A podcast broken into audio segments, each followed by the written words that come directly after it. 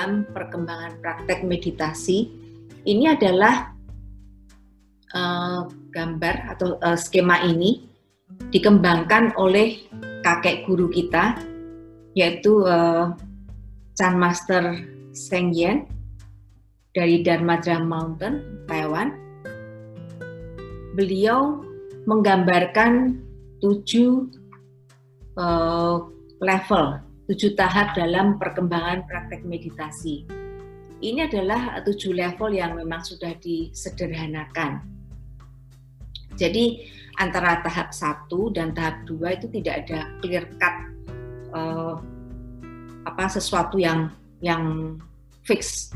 Jadi ini sudah disimplifikasikan, sudah dibuat lebih sederhana agar mudah di mudah dipahami oleh uh, para murid ya. Kalau kita lihat di tahap satu, tahap satu itu adalah kondisi pikiran seseorang yang belum berlatih meditasi dari gambar tahap satu kita bisa lihat ada banyak titik-titik. Titik-titik itu melambangkan buah pikir. Kemudian ada garis yang kayak cacing itu ya, warna oranye itu. Itu adalah aliran konsentrasi. Nah, orang yang belum berlatih meditasi bisa digambarkan seperti itu. Aliran konsentrasinya terputus-putus fragmented. Kenapa bisa begitu? Karena dia tidak memiliki sesuatu yang dia bisa jangkarkan. Jadi pikirannya akan goes to every direction, to various direction. Ke mana-mana, aut-autan, ruwet begitu ya. Apa pun uh, ada rangsangan atau stimulus apa pun terhadap indera kita, dia akan reaktif, dia akan bereaksi. Dia akan mengkonek one thought dengan another thought gitu ya. Jadi ini uh, sangat uh, level of concentration-nya sangat sangat rendah. Nah, untuk seseorang yang sudah mulai berlatih meditasi, kalau kita lihat gambar yang uh, garis melengkung-lengkung yang oranye itu, uh, bisa dilihat gambarnya sudah lebih beraturan dibandingkan tahap satu. Ini memperlihatkan seseorang sedang menggunakan metode. Memang buah pikirnya masih sangat banyak, kemudian aliran konsentrasinya, stream of attentionnya masih putus-putus, masih mudah terdistracted. Tetapi di tahap dua ini memperlihatkan bahwa seseorang sudah mulai punya kendali terhadap pikirannya sendiri, terhadap perhatiannya. Itu dari gambar, misalnya dari gambar itu kalau saya uh, deskripsikan dalam uh, kondisi seseorang sedang meditasi, misalnya kita lagi tentang uh, apa? Saya kasih contoh menggunakan metode counting the breath ya tadi saya jelaskan juga counting the breath di Chan metodenya dilakukan dengan cara nafas masuk, nafas keluar, letakkan angka 1. Nafas masuk, nafas keluar 2. Nafas masuk, nafas keluar 3. Hingga 10 nanti balik lagi. Nafas masuk, nafas keluar 1. Nafas masuk, nafas keluar 2. Jadi ini di sini um, me, merasakan nafas masuk, nafas keluar dan meletakkan angka. Nah, gambar ini kalau saya kasih contoh, ini seseorang yang melakukan meditasi seperti begini, mainnya seperti begini. Dia sedang mengaplikasikan metode. Napas masuk, napas keluar, one. Napas masuk, napas keluar, two. Napas masuk, napas keluar, tiga. Terus tiba-tiba dia mencium bau dari dapur. Dia mencium bau dari dapur, ada bau masakan dari dapur, dia tahu dia tidak mampu meneruskan metodenya, dia tidak mampu mengaplikasikan meneruskan metodenya, tapi pikirannya mereaksi menjadi reaktif terhadap rangsangan indera penciuman tadi. Dia akan mulai begini, bau apa itu ya? oh kayaknya itu masak sop. Sopnya isinya apa ya? Kayaknya kentang itu, kentang mungkin campur wortel. Terus dia mulai membayangkan kentangnya kalau dimasaknya cukup empuk, terus nanti dikasih bawang, wah rasanya seperti ini, enak. Makannya pas panas-panas, dikasih kecap, dikasih cabai uh, cabai rawit dipotong-potong. Nah, dia udah bikin cerita begitu. Ini artinya seseorang sudah distracted karena rangsangan dari uh, panca in, salah satu dari indera dia. Jadi dari sensory environment. Uh, seperti tadi saya sudah jelaskan juga bahwa ada dua dua hal yang yang membuat kita berpikir-pikir. Yang pertama adalah rangsangan terhadap indera kita. Jadi kita bereaksi, kita mereaksi terhadap hal-hal yang uh, kontak dengan indera kita. Seperti contohnya mencium bau masakan. Selain sensory environment, ada hal yang lain, yaitu dia mikir-mikir sendiri. Misalnya dia sedang melakukan metode napas masuk, napas keluar, one, napas masuk, napas keluar, two. Terus dia berpikir begini, cara pakai metodenya benar nggak ya? Napas masuk, napas keluar, angkanya diletakkan di mana ya? Di tengah, di belakang, atau di mana sebetulnya? Jadi pada waktu dia mengaplikasikan metode, putus di situ.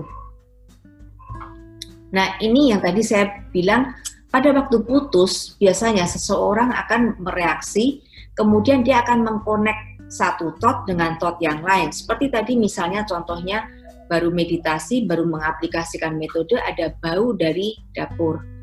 Begitu ada bau dari dapur, dia langsung mereaksi. Bau harum apa ya? Itu thought one. Kemudian, oh masak sop. Thought two. Kemudian, oh itu uh, sopnya isinya apa ya? Wah, pikir ketiga itu. Dia mikir lagi, dikonek lagi. Isinya kentang itu yang enak itu. Udah udah connect lagi. Kemudian dia main connect dengan another thought, another thought dia rangkai sendiri dan dia sudah lari dari uh, dia sudah uh, apa? Ya, dia lari dari mengaplikasikan metode sehingga gambarnya di situ adalah garisnya putus Nah, seperti yang tadi saya bilang, dia sudah memiliki, sudah mulai punya kendali terhadap attentionnya dia, terhadap perhatiannya dia. Tetapi masih tetap putus-putus. Karena dia baru mulai belajar menggunakan metode. Pada waktu seseorang sudah mulai advance, maksudnya mulai progress, dia akan masuk di tahap ketiga, di tahap ketiga ini minimal selama 10 menit seseorang mampu mengaplikasikan metode tanpa putus. Kalau kita lihat di tahap kedua, mengaplikasikan metodenya masih putus-putus. Tetapi di tahap ketiga sudah tidak.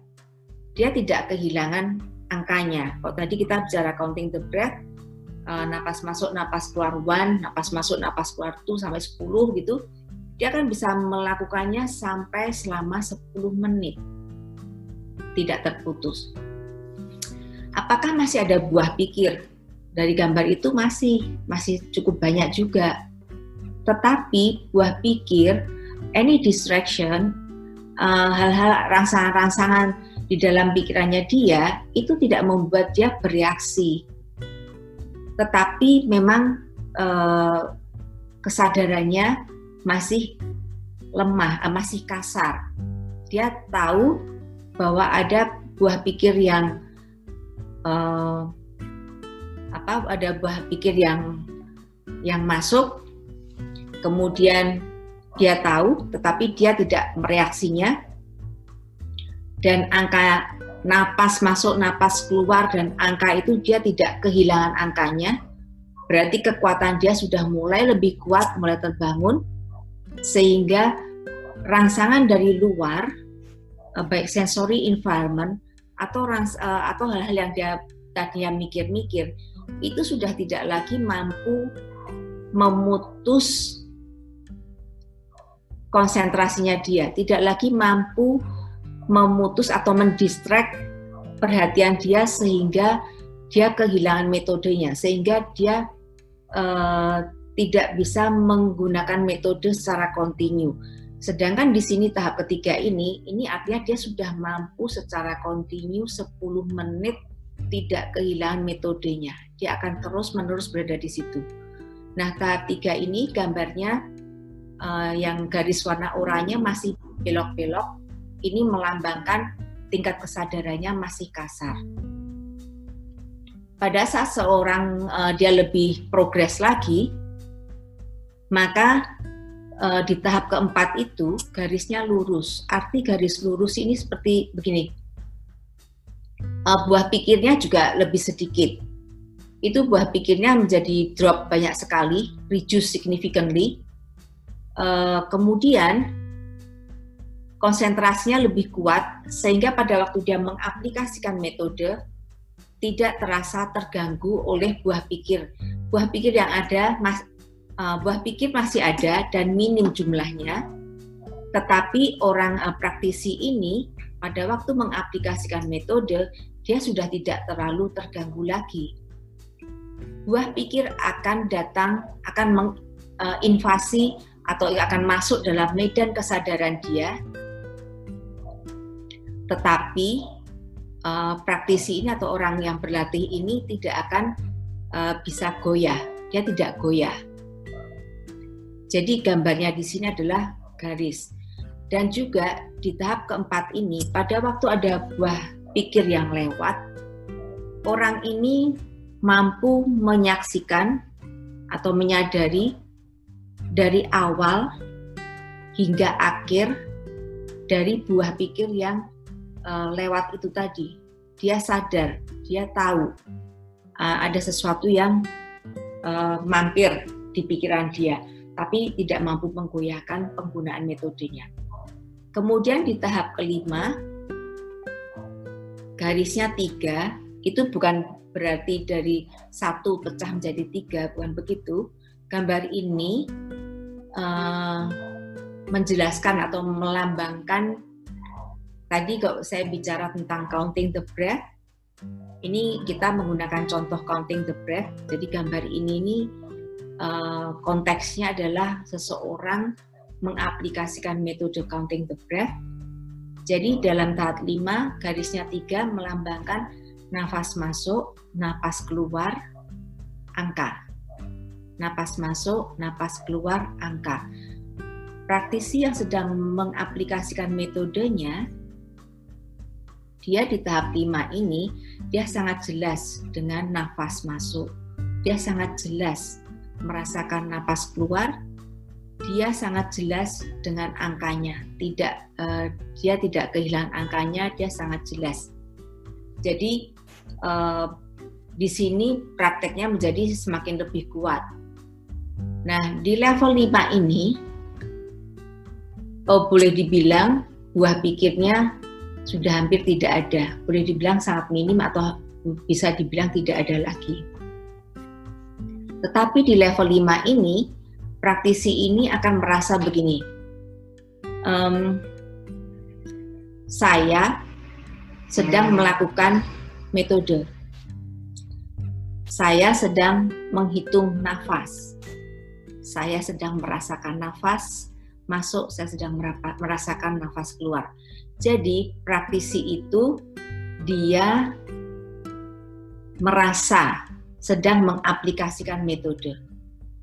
Ada rasa dia sedang mengaplikasikan metode. Itu di tahap 5.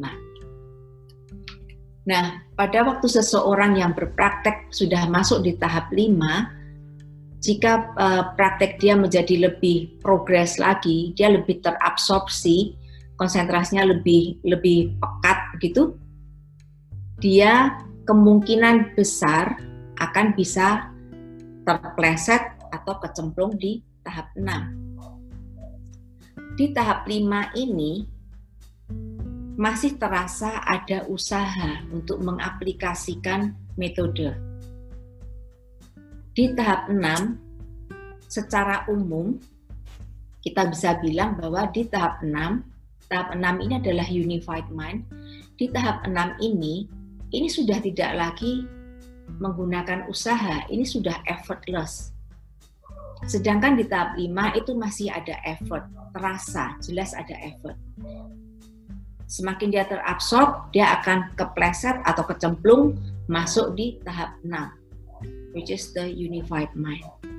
Kalau uh, dia lebih dalam lagi, dia akan masuk ke level 7 yang dibilang sebagai no mind atau no self.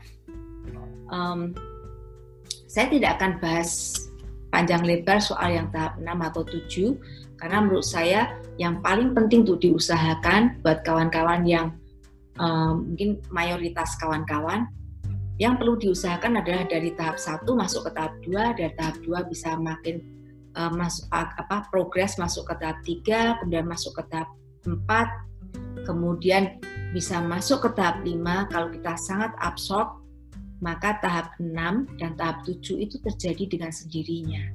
Itu adalah hasil. Pada waktu di tahap 6 dan tahap 7 itu sudah tidak ada effort lagi. Jadi effortnya itu secara umum, effort itu adalah diusahakan sampai ke level, uh, tahap 5 semakin absorb, semakin absorb, hopefully akan masuk ke level 6 dan level 7. Saya rasa itu kur.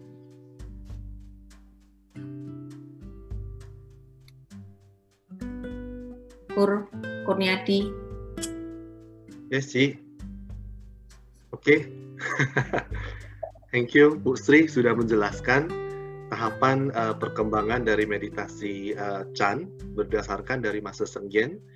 Jadi secara kesimpulan bahwasanya ya kita mujur-mujur dapat uh, berusaha dari scattered mind dari tahap satu ya paling nggak kita bisa mencapai sampai kepada tahap lima lah ya. Ya mujur-mujur kalau kita bisa dalam konsentrasi yang sangat tinggi kita bisa kespleset tadi istilahnya ke tahap 6 ataupun sampai kepada tahap 7. Berarti yang dimaksud dengan unified mind yang biasa ada istilahnya dalam Chan itu adalah di tahap 6 ya, Bu Sri ya. Iya. Okay. Ya, jadi uh, ini ini sangat uh, keren, sangat proporsional. Kenapa? Karena ini adalah uh, tahapan yang sangat jelas dari proses uh, berpikir kita hingga yang istilahnya uh, sampai uh, kita berusaha untuk menuju kepada tahap pencerahan. Dan uh, banyak yang bilang bahwasanya di Chan itu gak ada uh, progres yang jelas. Tapi di sini kita bisa melihat bahwasanya ini sudah digambarkan dengan sangat jelas oleh sepong kita Chan Master Sengyen ya mungkin uh, sekedar penutup ada dari untuk uh, pesan-pesan kepada para uh, praktisi Bu Sri? Ya kalau untuk para praktisi uh, meditasi Chan kalau untuk para praktisi um, ya kawan-kawan Chan yang sudah memang sudah serius nyemplung masuk di Chan, um, saya ingin mengingatkan saja bahwa tujuan berpraktek di meditasi Chan adalah pencerahan. Ini yang saya ingin ingatkan ya. Dan saya ingin agar kawan-kawan juga mungkin lebih apa lebih semangat lah untuk untuk latihan. Um, tujuan kalau kita lihat dari uh, tujuh tahap perkembangan praktek meditasi yang dari kakek guru kita Master Seng itu level level tertinggi adalah pencerahan. No mind uh, no self itu adalah pencerahan. Nah jika kita belajar di Chan tujuan kita seharusnya adalah pencerahan. Kalau kita belajar di Chan dan uh, tujuan kita kurang dari pencerahan, kurang dari ingin mencapai pencerahan, itu uh, mencerminkan satu rasa disrespect kita terhadap para guru yang sudah susah payah berusaha membimbing kita untuk mengarah ke sana untuk mencapai pencerahan ini berarti disrespect dan juga tidak yakin terhadap kemampuan para guru untuk menghantarkan uh, untuk mengantar kita menuju ke arah sana, mencapai tujuan itu. Kemudian yang kedua, juga ini memperlihatkan ketidakyakinan kita atau kurang yakinnya kita terhadap ajaran uh, Sang Buddha yang diwariskan dan diwujudkan dalam bentuk metode. Metode ini kan diwariskan dari generasi ke generasi gitu ya. Dari satu Chan Master ke Chan Master berikutnya dari apa uh, dari di lineage kita gitu ya. Nah metode itu adalah uh, representasi dari ajaran Sang Buddha. Kalau kita tidak memiliki tujuan belajar meditasi Chan untuk mencapai pencerahan, artinya bisa bisa dibilang bahwa kita tidak yakin dengan ajaran itu. Dan yang ketiga, tentu saja kalau kita uh, belajar sesuatu dan kita tujuannya seperti di Chan dikatakan bahwa tujuannya adalah pencerahan, tetapi kita uh, tujuan kita lebih rendah dari itu, uh, mungkin merasa tinggi, terlalu tinggi atau bagaimana, saya rasa itu juga merupakan uh, cerminan bahwa kita tidak tidak yakin dan juga tidak confident terhadap kemampuan diri sendiri. Jadi uh, sebaiknya kita selalu ingat bahwa kalau kita belajar meditasi di Chan, di aliran Chan, tujuan yang ingin kita capai adalah pencerahan. Saya berharap semoga kawan-kawan uh, selalu ingat itu dan lebih rajin lagi uh, bersemangat lagi untuk praktek